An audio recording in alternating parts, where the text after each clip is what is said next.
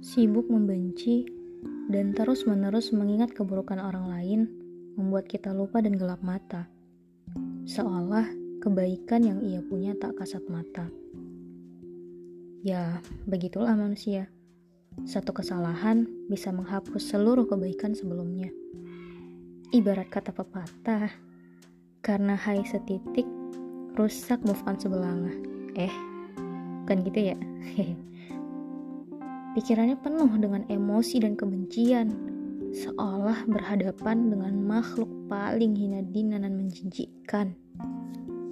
Mendadak amnesia, padahal sebelumnya saling tertawa ria merajut memori bahagia, berjanji saling menjemput jika salah satunya tak ditemukan di surga.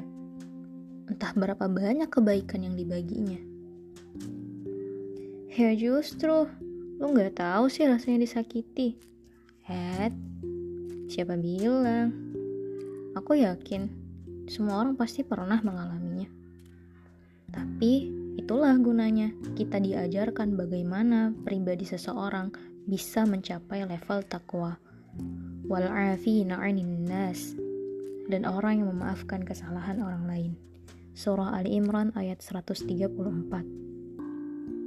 Maafkan, ikhlaskan, jangan putuskan persaudaraan. Padahal mungkin saja diri kita juga pernah melakukan kesalahan. Namun dia sudah dengan lapangnya memaafkan Padahal mungkin saja sikap kita yang menyakitinya tak pernah sekalipun ia permasalahkan. Sampai-sampai kita tak sadar pernah melakukan kesalahan. Who knows? Ya, memaafkan memang sulit. Makanya hadiahnya surga. Kalau memaafkan itu gampang, mungkin hadiahnya ikan cupang.